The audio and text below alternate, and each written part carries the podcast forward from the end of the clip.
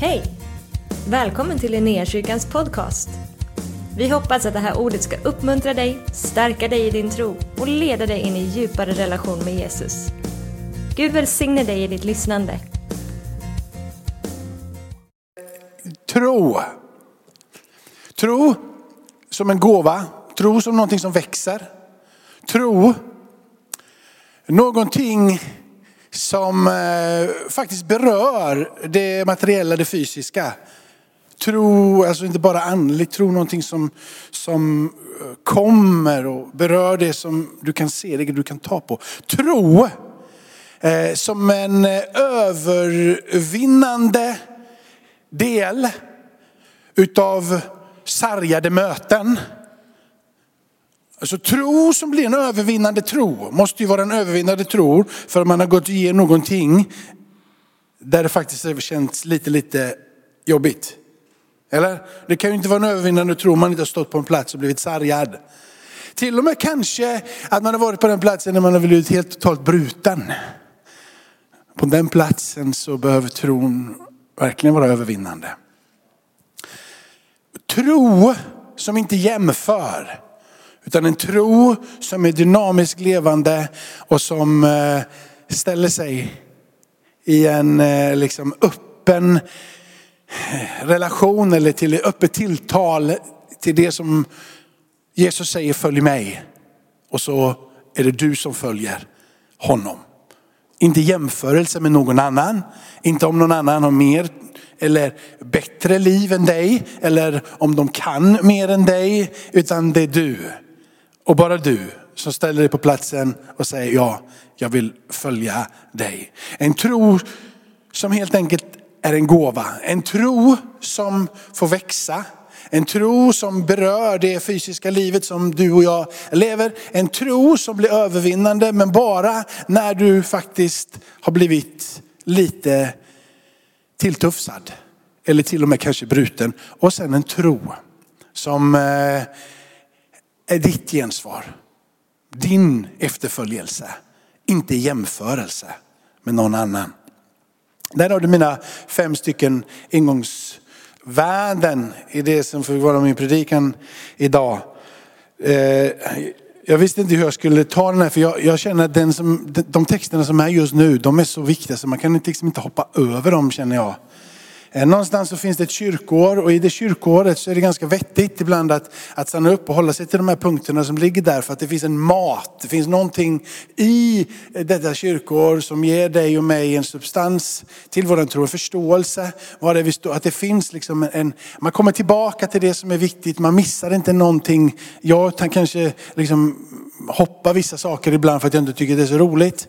Eh, men om du har kyrkåret och du landar tillbaka i det så finns det en ordning här. Och till exempel då så är det en väldigt bra tid att eh, du och jag under den tiden som är från påsk till det som får vara Kristi himmel för att titta på de texterna som faktiskt eh, Eh, viktiga texter. För det var där som Jesus var närvarande hos sina lärjungar och uppemot över 500 som vi läser i eh, första Korinthierbrevet kapitel 15. Han bevisade att han levde för dem. Inte som en vålnad utan i en fysisk person.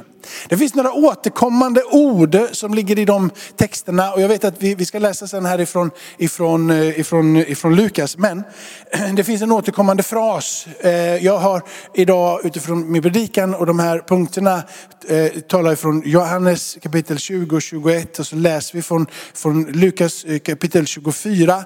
Men det finns en fras som är återkommande och det är frid vare med er. Han står mitt ibland dem och så hälsar han frid vare med er. Och den, den där friden som man hälsar med.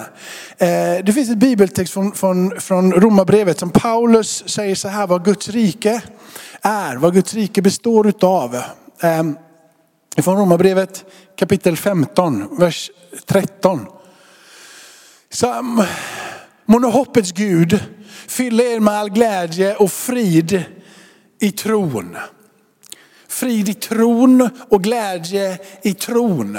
Tron som får vara det där fundamentet, det där som inte har egentligen så mycket med dig och mig att göra utan som får vara den där gåvan som strömmar ifrån honom. Ty av nåden är frälsta eh, genom tro, och så står det Guds gåva är det. Paulus skriver i Efesierbrevet.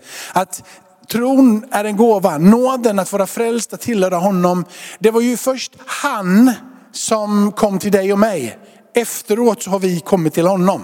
Han lämnade himmelen och han kom ner. Våran resa är inte en uppåtstigande resa, utan eh, det är först och främst en nedåtgående resa där vi tar emot han som kom ner. För att sen tillsammans med honom egentligen gå ut och tjäna för att sist men inte minst en dag få komma hem och då få stiga upp. Det är liksom stiga upp på vår resa är ganska långt fram på resan. Eh, just vi, vi tittar uppåt, vi blickar uppåt. Och hoppet det fyller oss och så vidare. Men det är först senare när han kommer tillbaka som vi ska på riktigt blicka upp och få komma upp. Just nu så kommer han ner och han vandrar mitt ibland oss för att övertyga dig och mig om vem han är. Så som han gjorde med lärjungarna under den tiden som är från påsk till det som vi känner som Kristi himmelfärd. Nästa del i den, i, den, i den texten där, den här tron, ska få fylla, tron ska, som ska få fyllas och så överflöda i det där hoppet genom den heliga andes kraft. Och det där överflödande hoppet känner nästan som att det, är, det, det där hoppet beror inte på dig och mig. Det är ett hopp som är utanför dig och mig. Va?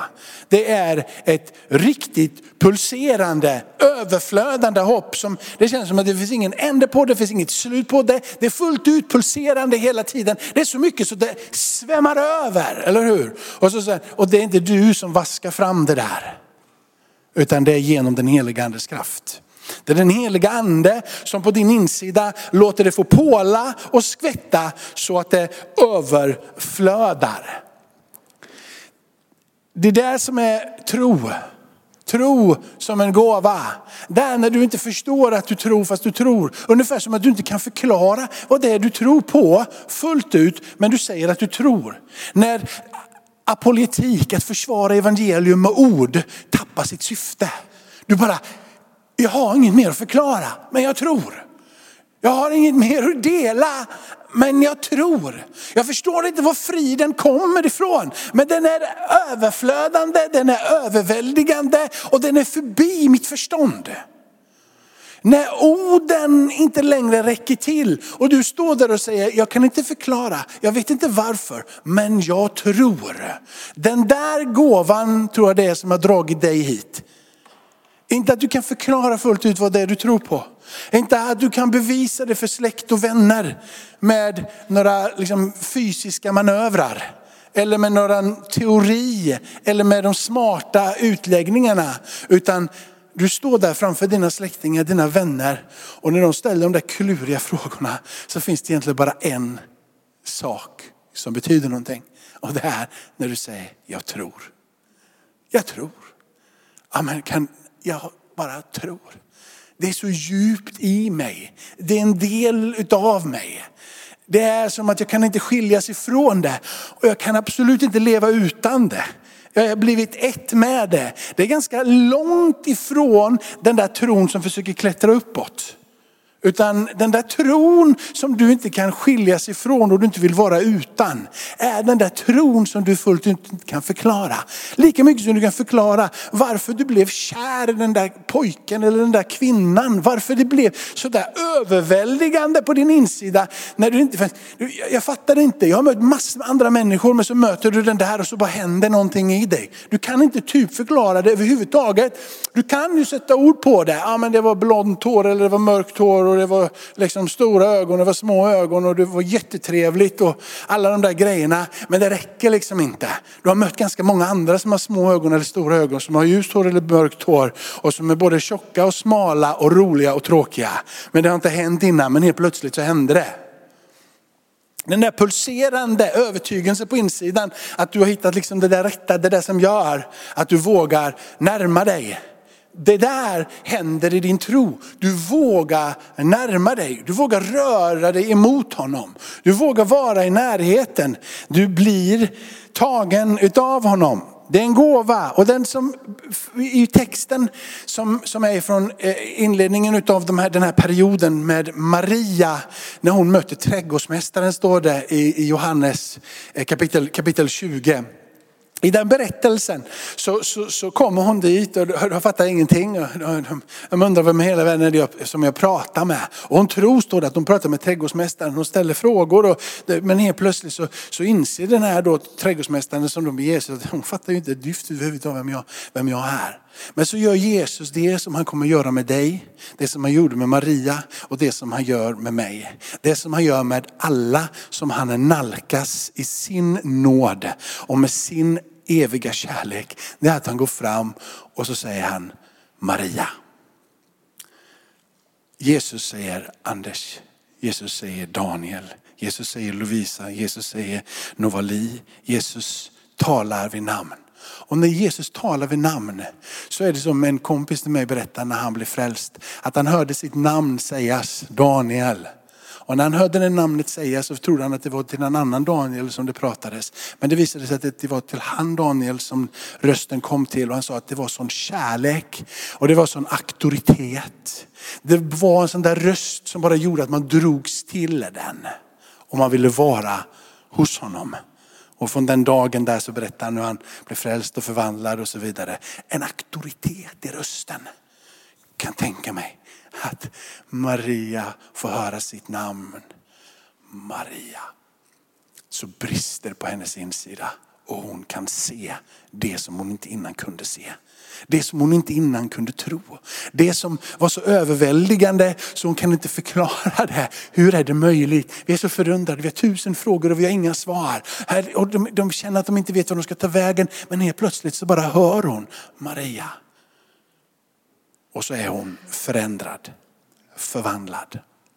Så här står det ifrån texten ifrån Lukas. Berättelsen innan här, det finns, det finns ett återkommande saker som hela tiden, de här, och jag sa frid var det med er. Men det finns någonting annat också i de här texterna som är, som är, som är någonting att ta med dig vidare när du läser och studerar själv och, och håller på. Och det är att det är väldigt ofta som det återkommer till att de läste skriften tillsammans eller att det undervisades i skriften. Att de talade om skriften. Och så Jesus själv i den här säger att allt som det står om mig i Moslag, allting som det står om mig i profeterna, allting som det står om mig i Saltaren, allting det måste gå i uppfyllelse, i fullbordan. Det finns någonting av en textläsning eller ett samtal kring texterna för att därifrån texterna bevisa vem det var han var. När han nu ändå fysiskt står där så borde väl det räcka. Nej, nyckeln till att förstå vem Jesus är ligger inte bara i det här fallet det fysiska mötet eller det som vi säger vi har mött med honom och vi känner honom och vi har blivit tagen av honom. Utan de går tillbaka och de låter skriften få vara det som talar in i deras liv, det som formar deras tro. Det som gör att det blir en bekräftelse och där fullbordandet utav hans egna liv nu, här, Eh, i den här texten gör att det blir en förlösande kraft på deras insida. Det finns någonting mer som är helt unikt i de här texterna också. Och det är när de läser texterna så är det ibland som de inte fattar. Men när Jesus i ett tillfälle, som är det som är innan som föregår här, som kallas för Emmausvandrarna. I den texten där då bryter de brödet. De stannar av och har nattvard tillsammans ish. Och i den här stunden de har det så händer någonting och de kan se, det brann i våra hjärtan. Det som händer i den här texten som vi ska läsa nu, det är den här att då står det att han öppnar deras ögon. Återigen så är det han, han som säger Maria. Det är han som gör det. De tragglar och de försöker. Och de listar och de lurar i texterna för att försöka greppa hela grejen. För han har ju ändå sagt det här. Men de kan ändå inte förstå det. Trots att han är fysiskt framför dem. Så greppar de inte situationen. Han är där. Och de har läst det. Men det är som om att han måste öppna sinnena. Det kan ju vara en väldig trygghet när vi är ute och evangeliserar. Eller vi pratar om Jesus. Bara så gött att bara få säga, för jag klarar inte det här utan det är Jesus. Jag, jag kan använda min mun, men det är du som måste öppna hjärtat. Jag kan lägga mina händer på dem och de kan, jag kan be att de ska liksom ta emot, att de ska bli fyllda och att det ska hända grejer. Men det är du som måste göra det. Det är väldigt, på något sätt, en skön känsla att veta att det beror inte på dig och mig om den som är framför oss förstår eller inte. Men det beror på Jesus. Jesus som säger namnet eller Jesus som öppnar sinnet, öppnar ögonen. Men det räcker inte i de här texterna som är här. Det finns någonting mer som är den fundamentala skillnaden mellan det livet som var innan de här eh, texterna, eller det, det som var med, med, Jesus innan han dog och han uppstod. Och det som, är, det som är nu, det är att han säger att det där livet som jag vill att ni ska leva, det krävs också att ni stannar eh, kvar i Jerusalem, för ni ska bli beklädda med den heliga ande. Och det är där nyckeln ligger till att stå kvar i den där tron som blir given som en gåva i början. Det är den där äh, resan ifrån att ha hört hans namn och tron kommer till att låta skriften få vara det som övertygar om vem man hör. När han sen öppnar dina och mina ögon och vi går ner i dopgraven och vi väljer att följa honom. Det som gör att du ständigt går tillbaka till platsen där det pulserande hjärtslaget från början gjorde att jag säger jag vill vara med Jesus. Det är att du här på den här platsen låter dig bli fylld av den heliga ande och låter för han få vara livgivaren. Han som är kraften och drivet i din tro.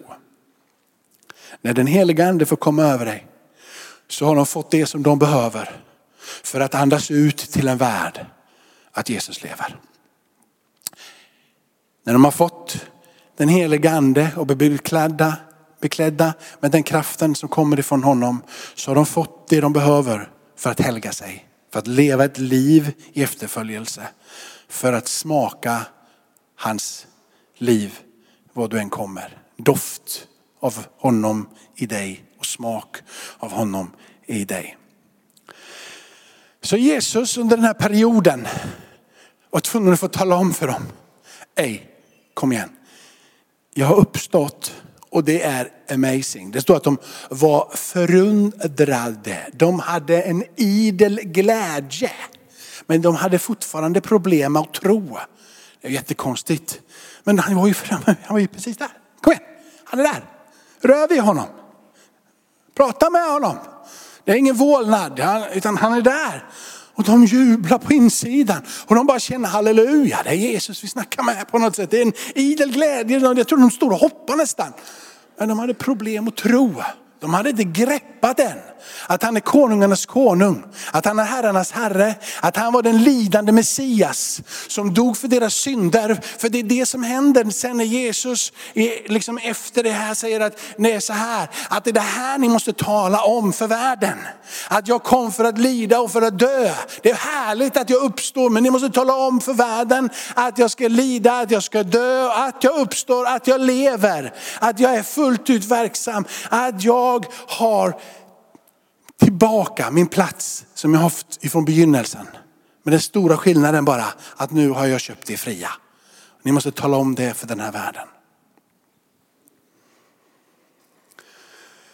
Det är det som händer under de här 40 dagarna. Att de ska greppa och fatta. Att de kan inte bara gå ut och tala om för världen att Jesus lever nu.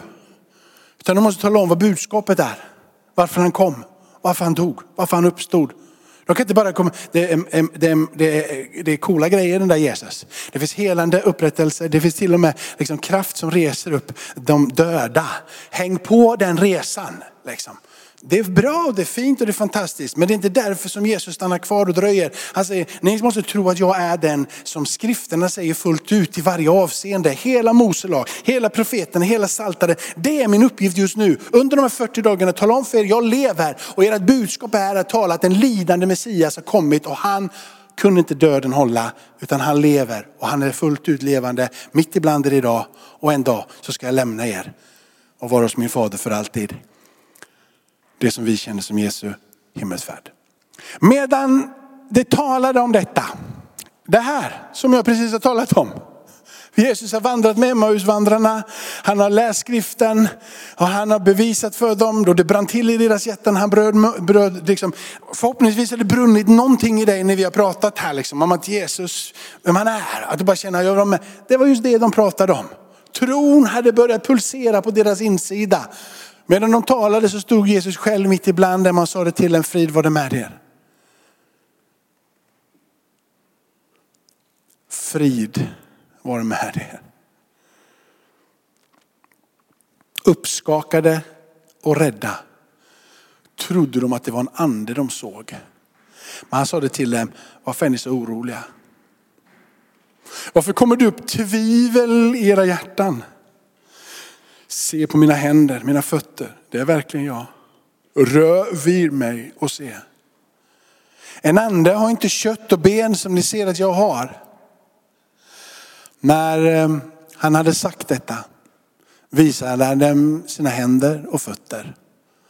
Och när det i sin glädje och förundran fortfarande inte kunde tro.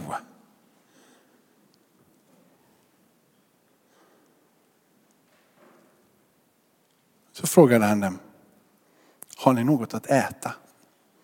Har ni något ätbart?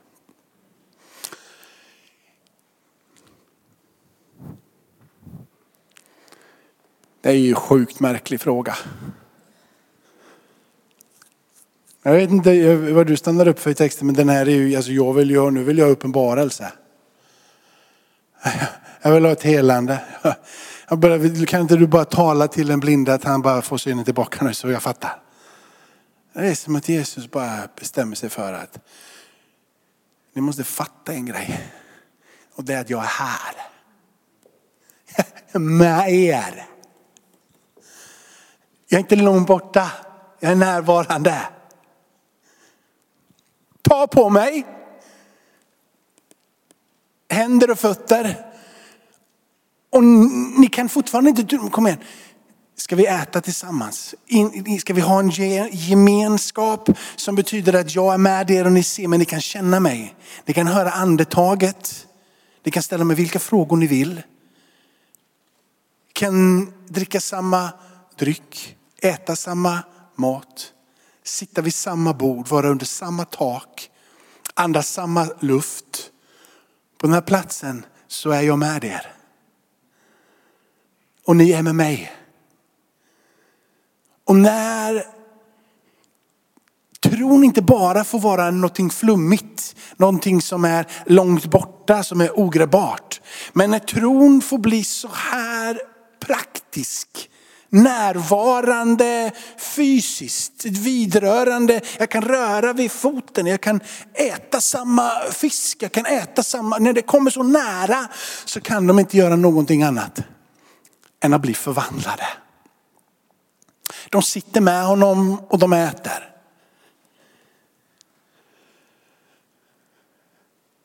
När våran tro bara är en dimridå högt uppe i ett moln så blir det väldigt, väldigt svårt att hålla fast vid det. Men när våran tro blir närvarande i relationer med människor, när vi står där tillsammans, när inte våran tro bara är ande och liv på våran insida, utan våran tro syns och märks på våran utsida. När vi är fysiska i våran tro så blir det en helt annan dimension på det som vi har. Då räcker de honom en bit fisk. Och han tog dem och han åt inför deras ögon. Och han sade till dem, detta är vad jag sade till er medan jag ännu var hos er. Allt måste uppfyllas som är skrivet om mig i Mose lag. Profeterna och salmerna. Sedan öppnade han deras sinne så att de förstod skrifterna. Och han sade till dem. Det står skrivet att Messias ska lida och på tredje dagen uppstå ifrån de döda. Och att omvändelserna och syndernas förlåtelse ska förkunnas i hans namn för alla folk med början i Jerusalem.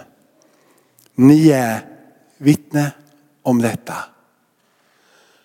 Och jag ska sända över er vad min far har lovat. Men ni ska stanna kvar här i staden tills ni har blivit rustade med kraft ifrån höjden. Snacka om att vara på en växande process. Från det att de har vandrat med Jesus, ish tre och ett halvt år.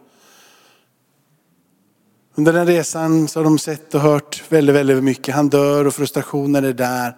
Och så kommer det till liksom kulmen av vad det han vill säga. Och så lägger han över uppdraget på dem och säger att det som eh, väntar er, det som är framför er, det är att göra det jag gjorde och gå i den kraften som kommer från höjden. Han säger helt enkelt att den där växande processen, den är en ständig process tillsammans med Herren. När man är ung och man blir frälst så kan man inte förstå dem som ibland har vacklat lite i sin tro. Det är orimligt att förstå det. Och du ska inte heller förstå det. Du är så brinnande, du är så iver och det du säger är efter ett halvårs frälst, jag ska aldrig någonsin bli slapp liksom. Jag ska aldrig någonsin bli trött. Så går det nio månader och du säger att jag ska minsann be igenom allting. Jag ska minsann ta tro och gå vidare i allting. Så går det ett år. Och du är fortfarande lika ivrig och du säger jag ska checka upp varenda en som kommer. Alla ska bli frälsta, alla ska bli förvandlade. Sen går det ett och ett halvt år. Du är fortfarande lika ivrig. Men så dör din moster och du undrar varför hela världen dog din moster. Och sen så helt plötsligt så hade du inte de här pengarna på banken som du hela tiden hade bett om att ett och ett halvt år så skulle du ha de här pengarna på banken och du skulle göra den där resan och du inte hade dem och så började du tänka att det kanske Gud, jag får inte lägga, orkar inte och vågar inte lägga mina pengar i Guds händer. Och sen helt plötsligt så börjar du få lite ont i kroppen och så ska du börja be för det där. Och så sker det inte miraklet så börjar du tänka kanske att Gud kanske inte botar alla hela tiden, bara ibland. Och sen så kommer nästa sak och så kommer nästa sak. Och sen så har du bytt ut väldigt mycket av det som du stod för från början i väldigt mycket mänskliga tankar. Och så är det inte längre samma, samma tro och samma iver. Det enda möjliga vägen tillbaka för dig, om du är där idag, det är att låta det som skedde här ta dig tillbaka till då du blir frälst och tacka Gud för att det är en gåva.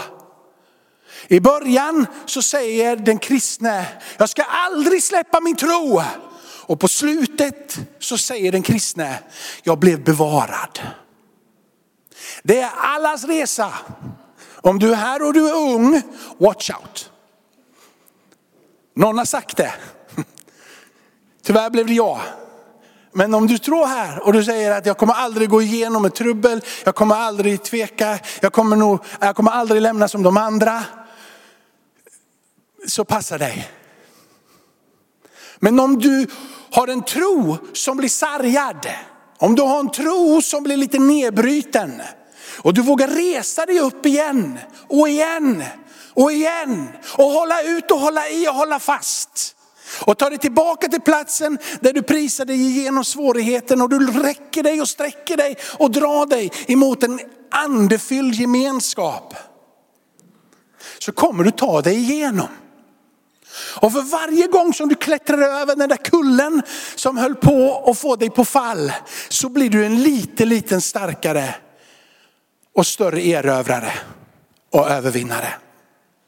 När du har vunnit de där slagen tillräckligt många gånger, du har varit nere för räkning och de har räknat en, två, tre, på tio är du ute men du reser dig på nio. Och när du har rest dig upp på nio och du tar dig igenom, och du har gjort så tillräckligt många gånger så inser du att det finns inte någonting som kan få dig på fall. Petrus är ju en sån i de här berättelserna.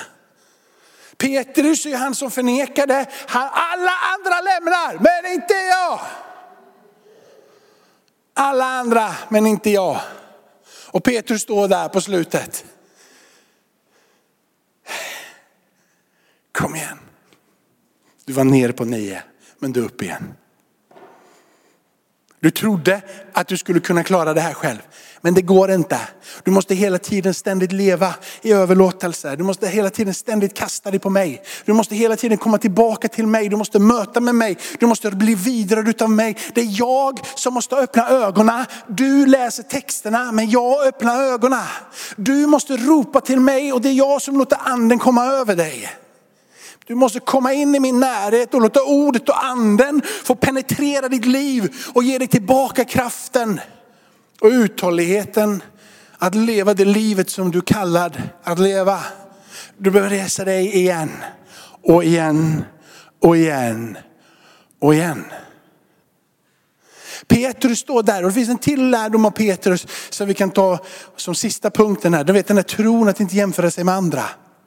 Petrus Stå här och ha fått Jesu fullständiga uppmärksamhet i kapitel 21 i Johannes. Fullständiga liksom, närvaro av Jesus. De har, de, har, de har snackat. Och Jesus, liksom, gillar du mig? Har du mig kär? Älskar du mig? Peter bara, ja du vet att jag gör det. Jag vill vara med dig. Han ger honom möjligheten att han liksom med sina liksom, överdådig bekännelse. Ingenting rör mig, jag ska igenom. Men Jesus har tid med den där killen som är sådär överförfriskad i sin tro. Och Jesus stannar upp vid honom, pratar med honom och säger, hör du, gillar du mig? Älskar du mig? Vill du vara med mig? I fullständigt. Och sen är plötsligt så börjar han prata om en annan. Och då är det som det där gamla Petrus kommer, hur, hur ska det bli med honom då? Ja, men med, med, hur blir det med honom då? Vem är jag nu? Hur blir det med honom? Så helt plötsligt, trots att han haft den där innerliga stunden, så är det viktigt vad som händer med de andra. Och så får Jesus igen bara säga, Tänk inte så mycket på andra. Jämför dig inte med andra. Ha inte så mycket tankar om vad andra gör.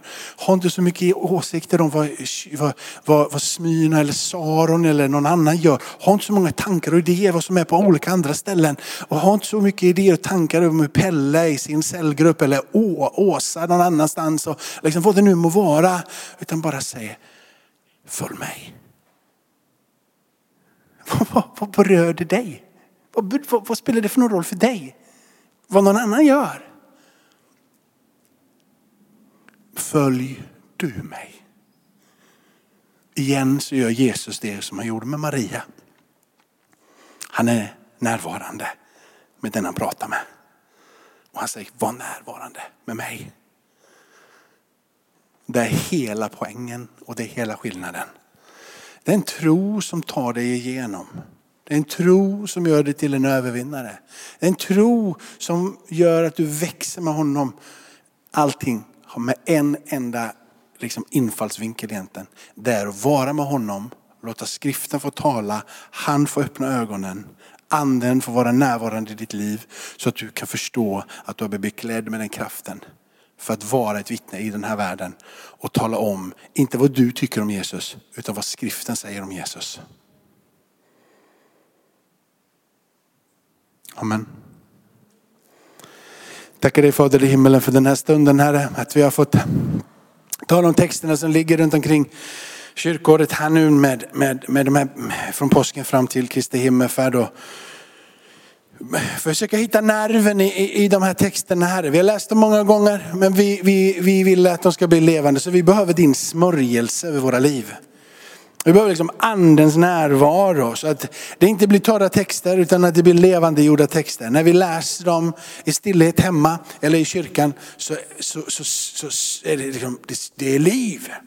Det får sprängkraft i dessa texter Herre. Därför att du levande gör dem för oss Herre.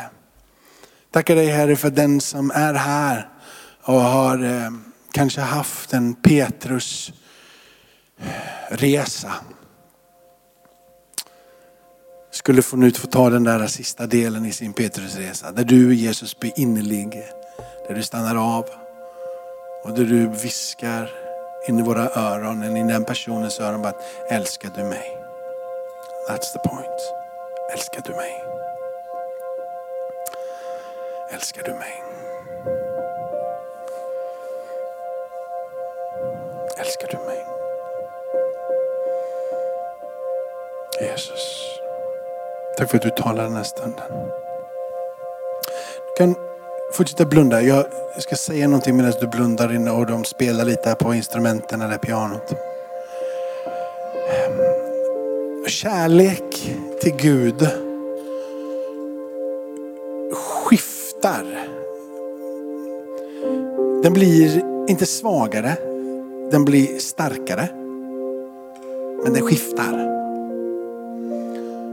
I början så kanske det var väldigt mycket sprak och lite fart och låt eller lät. Din kärlek idag är djupare. Kanske känner du inte lika mycket, men den är djupare. Den är starkare. Varje erfarenhet som du har haft med Herren har gjort att det har gått djupare och du har blivit starkare. Varje nederlag som du har tagit igenom och kommit ut på andra sidan har gjort att du idag är mycket starkare än vad du någonsin har varit. Det ser inte likadant ut, men den är djupare. När du var barn så såg du på världen genom ett barns ögon. När du är vuxen så ser du på världen genom vuxna ögon. När du är barn i ditt tro så ser du på tron med dina barnsliga ögon. När du börjar växa upp i din tro så ser du på din tro med vuxna ögon. Ett barn är det mycket drömmar, framtid och längtan. För den som har vuxit upp så finns det mycket historia och man kan bli nostalgisk och man kan sluta nästan att drömma kanske. Men tillsammans med Herren så går det att fortsätta drömma och dra sig framåt. Men det ser annorlunda ut. Tack för att du tar oss på en trons vandring, trons resa. Tack Jesus för den här stunden så går du djupt Herre. I var och en av oss Herre. Nu på avslutningen till gudstjänsten så ber jag att den som, eh, den som känner jag behöver bli frälst idag. Jag behöver få den här lidande Messias, hans korsfästelse att eh, eh betyda skillnaden för mitt liv. Frälsningen finns bara i Jesus och ingen annanstans. Har man inte tagit emot Jesus som frälsare så måste man ta emot Jesus som frälsare för att ha en plats tillsammans med honom. Så om du inte tagit emot Jesus som frälsare så behöver du göra det. Har du inte döpt dig så kan du få döpa dig. Du får inte låna mina kläder men du kan få döpa dig.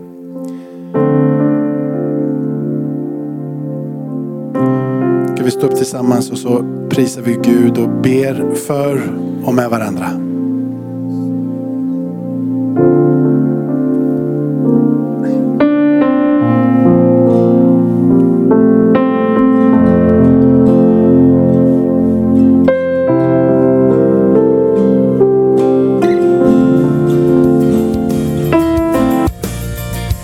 Att du har varit med oss. Hoppas du känner dig inspirerad av Guds ord och har fått nya perspektiv. Hör gärna av dig till oss och berätta om Gud har rört vid dig på något sätt. Vi är så glada att få höra vittnesbörd om vad Gud gör. Du kan mejla oss på adressen info och dit kan du även mejla om du har ett böneämne som du önskar att vi ber för. Eller om du har tagit emot Jesus och inte har någon bibel så vill vi mer än gärna skicka en bibel till dig. Skicka ett mejl med ditt namn och dina adressuppgifter till info så ser vi till att du får en. Om du vill ge en gåva till Linnéakyrkans arbete för att nå fler människor med evangelium så kan du swisha till 123 520 0993. Du kan också besöka oss på linneakyrkan.se för att få mer information. Välkommen tillbaka att lyssna snart igen.